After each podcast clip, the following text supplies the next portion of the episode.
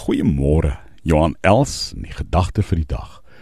Elkeen wat van hierdie water drink van Johannes 4. Jy ken mos nou die storie. Die vrou by die put, Jesus by die put, die Samaritaanse vrou.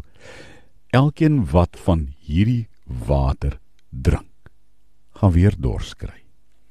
Maar elkeen wat drink van die water wat ek hom sal gee, sê Jesus, hy of sy sal nooit weer dors kry, want dis die lewende water. Hierdie lewende water is God. Dis die heel besonderste boodskap in hierdie deel van die Nuwe Testament. Christus wys God vir hierdie vrou. God is nie die verterende oordelen oor oor oor uh, uh, oordeel vuur nie. God is nie die die gloeiende, ek wil amper sê lava stroom van 'n berg in Sinaï omring met donderslae en blitse in die storms nie. God is water, God is lewende water.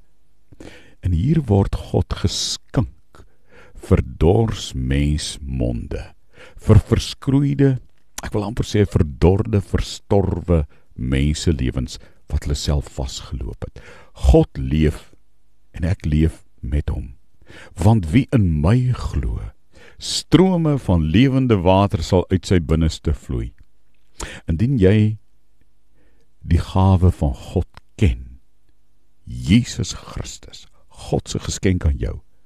Gaan jy ook die kans kry om vandag met oorvloed vars lewende water wat uit jou borrel, strome uit jou hart, uit jou mond, uit jou oë, uit jou hande sal dit stromend loop.